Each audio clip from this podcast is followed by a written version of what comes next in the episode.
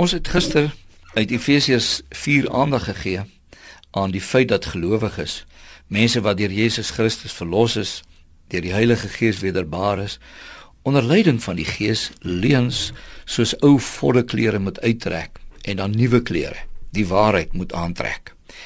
Die tweede voorbeeld hier uit Efesiërs 4 waarin gelowiges onder leiding van die Gees nie moet optree in hulle praat met ander mense, vind ons in vers 26 en 27.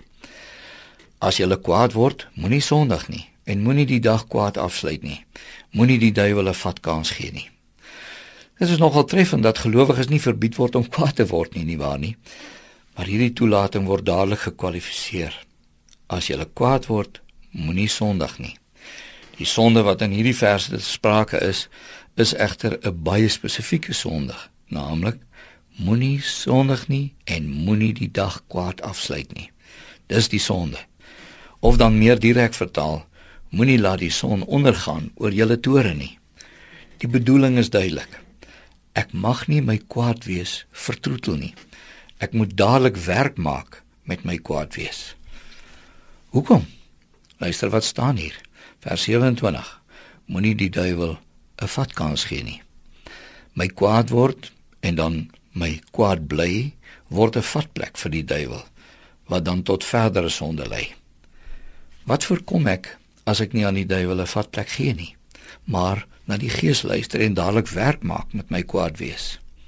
Eerstens, as ek dadelik werk maak met my kwaad wees, voorkom ek dat ek nie in my innerlike vergiftig word deur dinge soos bitterheid en woede nie. In die tweede plek, ek voorkom dat my gesindheid teenoor ander mense nie negatief raak nie en dat daar daarom ook verdere probleme ontstaan nie.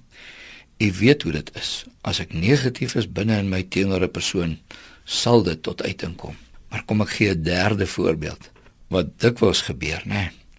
As ek vir iemand kwaad word en dit vir 'n tyd hier binne in my stoor en vertroetel, en ek kom dan later tot 'n uitbarsting, is die feite van wat gebeur het en wat gesê is glad nie meer helder nie vir my of die ander persoon nie.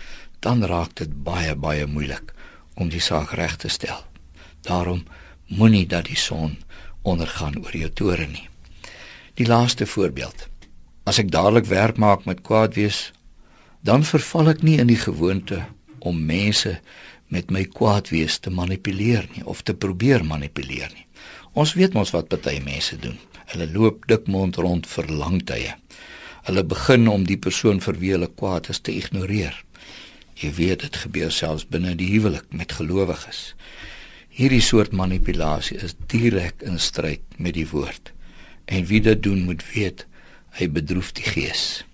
Laat ons daarom onthou dat die woorde moenie die son laat ondergaan oor jou toren nie maar 'n mooi spreek van die ou mense is nie. Dit gaan oor gehoorsaamheid aan die Gees met wie elke gelowige verseël is tot op die verlossingsdag.